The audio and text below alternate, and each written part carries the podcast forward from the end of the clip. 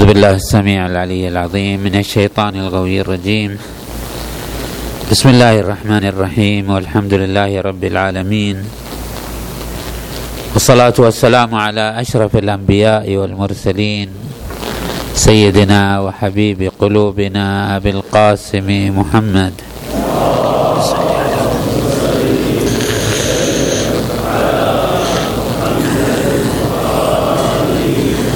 وعلى أهل بيته الطيبين الطاهرين المعصومين الميامين.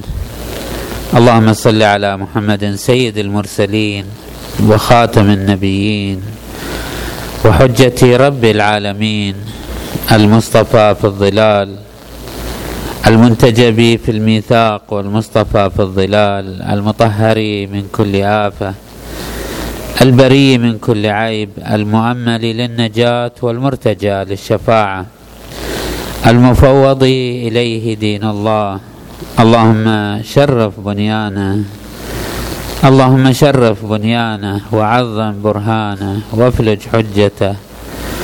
وارفع درجته واضع نوره. وبيض وجهه. وأعطه الفضل والفضيلة والمنزلة والوسيلة. والدرجة الرفيعة. وابعثه مقاما محمودا يغبطه به الأولون والآخرون. اللهم صل على محمد وآل محمد الأوصياء الراضين المرضيين بأفضل صلواتك وبارك عليهم بأفضل بركاتك والسلام عليهم وعلى أرواحهم وأجسادهم ورحمة الله وبركاته. ثم السلام عليكم أيها المؤمنون ورحمة الله وبركاته. قال عز من قال بسم الله الرحمن الرحيم. ألف لام ميم. ذلك الكتاب لا ريب فيه هدى للمتقين الذين يؤمنون بالغيب ويقيمون الصلاة ومما رزقناهم ينفقون والذين يؤمنون بما أنزل إليك وما أنزل من قبلك وبالآخرة هم يوقنون أولئك على هدى من ربهم وأولئك هم المفلحون. آمنا بالله صدق الله العلي العظيم. يمتاز الإنسان والمجتمع الإنساني عن دونه من الموجودات والكائنات أنه ذو شعبتين وذو اتجاهين وهذا معروف متسالم أن الإنسان هذا الموجود المادي الذي يعيش بجسمه ومادته كبقية المخلوقات يتطلع في أفقه إلى أعماق أبعد من هذه العالم المادي. إذا كان هذا الوجود فيه موجودات نورانية آه، عقلانية صرفة كالملائكة والأرواح وهناك موجودات مادية صرفة كالنباتات والأجرام الميتة. فالإنسان كائن ذو بعدين فهو منطلق منطلق من واقع هذه المادة ولكن له آفاق غيبية وآفاق روحية وآفاق عقلية وآفاق نورانية. وهذان الجهتان ليستا متوافقتين تماما ولكنهما ليستا متعارضتين وأنما هناك تفاعل يمكن أن نحدث بينهما حالة من التكامل والتوافق ويمكن أن يحصل بعض الأحيان بينهما حالة من التضاد والتجاذب. هذا اولا. ثانيا أنه في طريق الحركة البنائية في حياة الإنسان هناك تصورات مختلفة في أنه الإنسان هل هو في حالة رقي أو هو في حالة ذبذبة أو هو في حالة تدهور. لعله من الواضح أنه في الجهة العلمية لا أقل في الجهة المادية وخصوصا لعله في هذه الأحقاب المتأخرة من عمر الإنسان. فتحت للإنسانية مساحات كبيرة من المعارف والاطلاعات. ما يظن أن الإنسان أحاط بها إدراكا وعلما فيما مضى من السنون وفيما مضى من تاريخ الإنسان. بمعنى أن الإنسان اليوم فتحت أمامه معارف كثيرة في الطب والفيزياء والكيمياء والقدرة على استكشاف أسرار وقوانين هذا الكون. لعله جزء من هذه الآفاق المعرفية ما اطلع عليه الإنسان من آليات حديثة في التواصل وتطورات عملية في آه، هذه الأجهزة الحديثة التي دخلت في عمق تركيبة الإنسان وأثرت في حياة الإنسان. المشكلة أنه هذه المعارف وهذه الكشوفات وهذه الثقافة الموسوعية المفاجئة في تاريخ الإنسان وفي حياة الإنسان لم تدخل للإنسان في ضمن منظومة معرفية واضحة بمعنى أنه لا توجد عند الإنسان فلسفة واضحة لا توجد عند أغلب المجتمعات منظومة معرفية تنظم له تنظم يعني تبرمج له هذه الآليات المعرفية وهذه الكشوفات لتحول منها لتجعل منها لتطوعها فيما فيه خيرها ونجاة نجاحها في الدنيا والآخرة. وإنما تفتقت له هذه المعارف من كل حدب وصوب من غير ولعله تجد كثير من المثقفين والدكاترة والجامعيين يمتلكون من الإحاطة والعلم في ميادين المعرفة الطبية والميكانيكية والديناميكية وال التكنولوجيات الحديثة الكثير الكثير من المعارف. ولكن في فهمهم لهذا الكون في فهمهم لهذا الوجود في نعم معرفتهم في مسار الإنسان فأنهم يعيشون حالة من من الضحالة. فتجد دكتور ومتميز مثلا في أحد آفاق هذه المعارف ولكن في أحد آفاق هذه المعارف الحديثة والتكنولوجيات الحديثة ولكنه لا يدري من أين من خلقه لماذا وجد. هذه جهة سلبية في هذه المعارف. وهناك جهة أخرى أيضا وهو أن هذه المعارف وهذه الكشوفات الإنسانية التي انبثقت على الإنسان لم ترافقها الحالة من الحلم. وهو من أهم ما يجب أن يصحب العلم هو الحلم. الحلم يعني أن تكون عند الإنسان حالة من الاتزان حالة من ال... بغض النظر عن إدراكه وإحاطته وفكره الفلسفي يجب أن يكون عنده حالة من التوازن. نشبه القضية بالانفتاح المعارف من غير أن يكون هناك توازن في العقل والحلم. كمن يعطي طفلا صغيرا سلاحا خطيرا؟ السلاح قوة ومكنة العلم سلاح وقوة والسلطة وغلبة. ولكن من أشد الأمور خطورة أن يهيمن طفل صغير لا يعي لا يفهم شديد الغضب شديد الانفعال وتضع بين يديه سلاحا خطيرا قتالا. فأن هذا عملية ليست عقلائية. المشكلة التي ترتبت على هذه الحالة هو هيمنة الجهة المادية على حياة الإنسان، قلنا أن الإنسان له آه، بعدان، بعد روحي وبعد مادي، ويفترض أن لا تكون هناك حالة من التعارض والتضاد، بل كان يفترض أن تكون والحالة الطبيعية ولعله من فنون والإبداع الإسلامي والشريعة الإسلامية أنها استطاعت أن تطوع المادة للروح. وأن تفعل الروح لخدمة المادة وأن لا تجعل بينهما حالة من التضاد. ولكن لعدم قدرة الإنسان على تفعيل ما أعطي من كشوفات علمية عدم قدرة المجتمعات الإنسانية لصب هذه المعارف البشرية بطريقة صحيحة هيمنت هذه المعارف على أغلب حياة المجتمعات. أصبحت المجتمعات تخضع لآثار هذه الكشوفات المادية وفي مستويات كثيرة.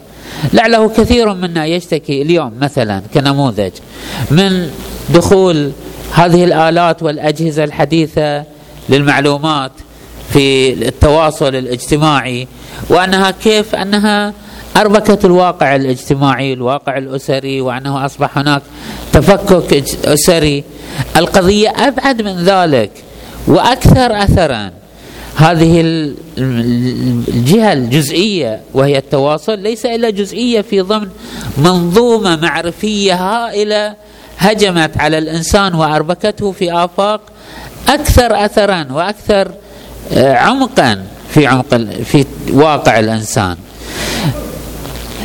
لعله خلال هذه القرون الخمسة الأخيرة خمسمائة سنة المتأخرة دخلت الإنسانية في عموم خطها العام الغربيين لعله بشكل أشد والشرقيين بالتبع في حالة من الانفصام بين عالم السماء وعالم الأرض يتصور كثير من. ممن فتحت له آفاق هذه المعارف أن الإنسان في تاريخ طويل كان خاضع لفك... لفكرة أن الوجود الإنساني إنما وجد لكي يكون عبدا وخاضعا وآلة لإرضاء الرب.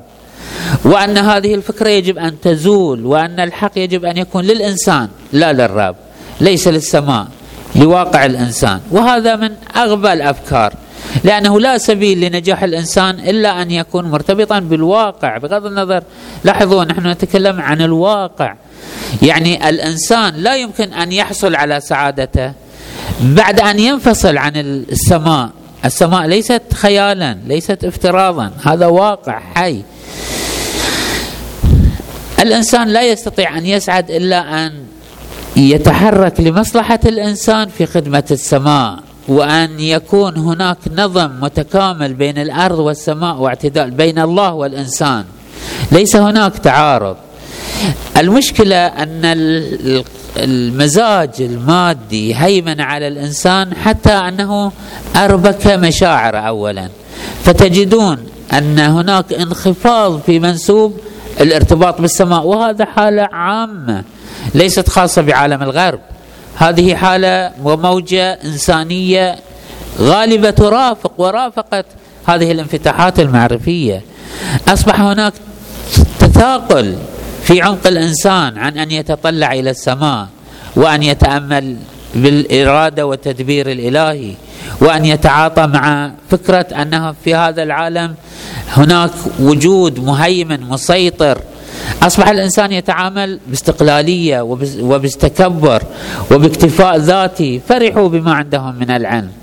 عندما جاءتهم هذه المعارف ظنوا أنهم قد حلوا كل معميات هذا الكون وأنهم لا يحتاجون إلى تدبير مدبر. هم يدبرون أمورهم وهم يعالجون أنفسهم وهم سوف الآن هناك دول تفكر في أن تدخل التكنولوجيا الحديثة حتى في تدبير الإنسان في شأنه. يعني بمجرد أن يأتي الإنسان يدخلون في شريحة بحيث تتعرف عليه. هذا الآدمي أنا أنت. تدخل في منزل تكنولوجي يتعرف عليك بما أنك صاحب. كيف يتعرف عليك؟ فيك شريحة. تزرع فيك شريحة تتعرف عليك سيارتك تتعرف عليك بيتك تتعرف عليك. يصبح الإنسان مجرد رقم ينتظم مع هذه المنظومة التكنولوجية الحديثة بحيث تتضاءل نسبة التعامل الإنساني. قبل عشرين سنة ثلاثين سنة خمسين سنة إذا أردت أن تتصدق أردت أن تعمل معروفا تباشر أخيك وتتعامل كإنسان مع إنسان. اليوم تضاقت هذه العلقة. أصبحت حتى إذا أردت أن تبارك حتى إذا أردت أن تباشر ببعض الخير صدقة أو محبة تتعامل بهذه الآلات التكنولوجية. وهذه الأمور أيضا آه، سوف تتفحش وتأخذ مساحات كبيرة. في حياة الإنسان. أول ما ينعكس على الإنسان بهذه الحالة هو ضمور الأفق الغيبي في عمقه ضمور الإحساس بالآخرة. كم هو فرق بين ذلك الإنسان المزارع ذلك الإنسان الذي يعيش مع الطبيعة يأخذ البذر ويضعه في الأرض ثم يتوجه إلى السماء جبليا وفطريا وهو ينتظر من الله عز وجل أن ينزل المطر وأن يحيي الأرض وأن يستثير الحياة في هذه البذرات التي وضعها. وبين حياة الإنسان الذي يعيش اليوم حالة من التكنولوجية الشديدة والعلمية المادية العنيفة. هذه تؤدي إلى ضيق في الأحاسيس والمشاعر وانغلاق في القلب ونعم تكلس في المشاعر يصبح الإنسان آلة يصبح الإنسان حالة من الحجرية. هذه أول آثارها وهي أيضا آثار سوف تنعكس على كثير من آفاقها. الروح عندها تطلعات عندها رغبات عندها حاجات لن تكتفي إلا بإشباع هذه الحاجات كما هو الحال في البدن. كيف أن البدن مهما ريضته مهما حاولت فإنه لن يكف عن أن يلح في طلب احتياجاته. كذلك الروح عندها احتياجات. مهما حوصرت مهما ضيق عليها ستجد لها منافذ قد تكون معوجة كما يحصل في عالم الإنسان وبالخصوص الإنسان الغربي كما شاهدناه ولمسناه. لاحظوا إخواني لعله استرسلت في الحديث. صلى على محمد وآل محمد.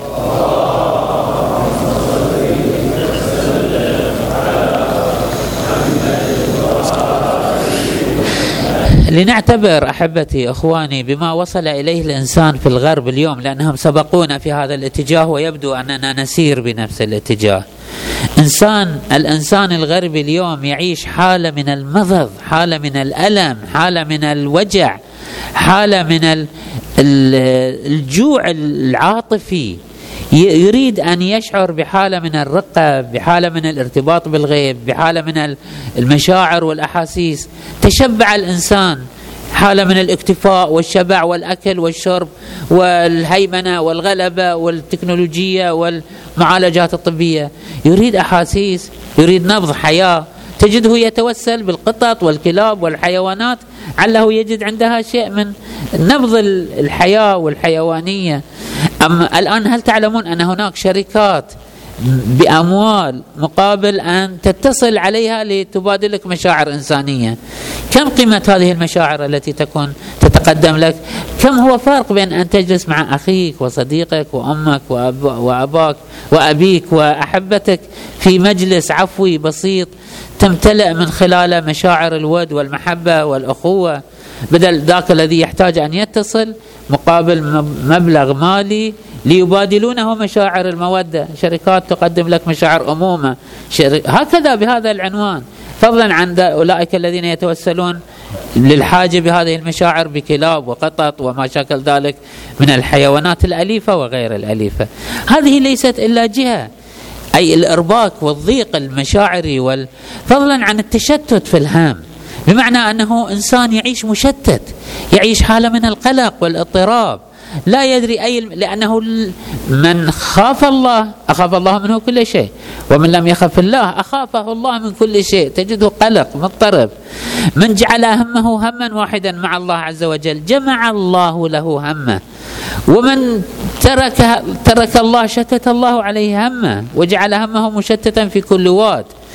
الإنسان عندما يعيش حالة من الارتباط بالله عز وجل يعيش حالة من الوثوق في العلاقة مع الله عز وجل. أول شيء يعيش حالة من السعادة. إخواني هذه اللفظة لفظة السعادة لفظة الأنس لفظة ال... ال... هذه معاني جميلة ولذيذة لا يدركها إلا من ذاقها. المحروم منها طوال عمره لا يدري هو ماذا فقد. لا يشعر أن هناك حالة من الاطمئنان، حالة من الأنس، حالة من السعادة، حالة من الاستقرار تشترى بكل هذه اللذات وكل هذه اللذائذ، هذه جهة. جهة ثانية هناك حالة من الوضوح في الرؤية والأطمئنان في الفكر. أما هؤلاء الذين لا يرتبطون بالله عز وجل وتتشتت بهم هذه المعارف يظنون أنهم قد علموا شيئا وهم في الحقيقة دخلوا في متاهات الجهل والتيه. نعم تكشفت لهم بعض المعارف. نعم نقر لهم ببعض الإبداع في اكتشاف بعض القوانين الفيزيائية والكيميائية والرياضية وما شكل ذلك.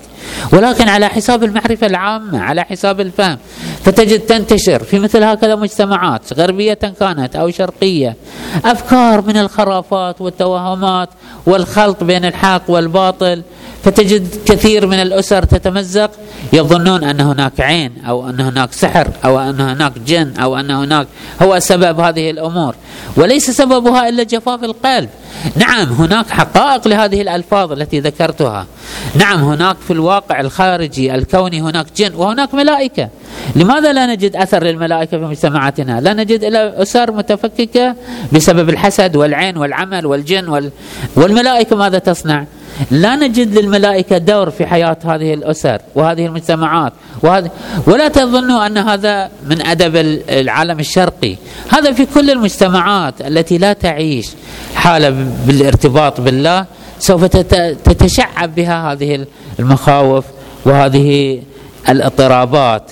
ولذا سبيل الإطمئنان وسبيل السعادة وسبيل الهدوء هو أن نستثمر هذه المعارف، نحن لسنا ضد هذه المعارف.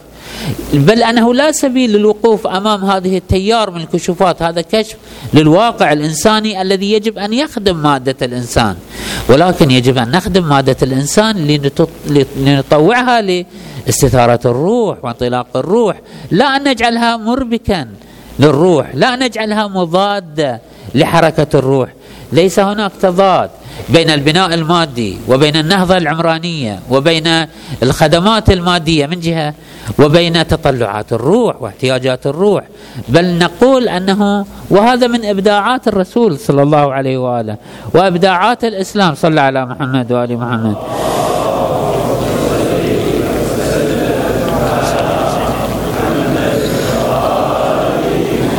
الذي استطاع صلى الله عليه وآله أن يجعل من كل تقدم روحي كل تقدم مادي إنما هو في سبيل هذا ال...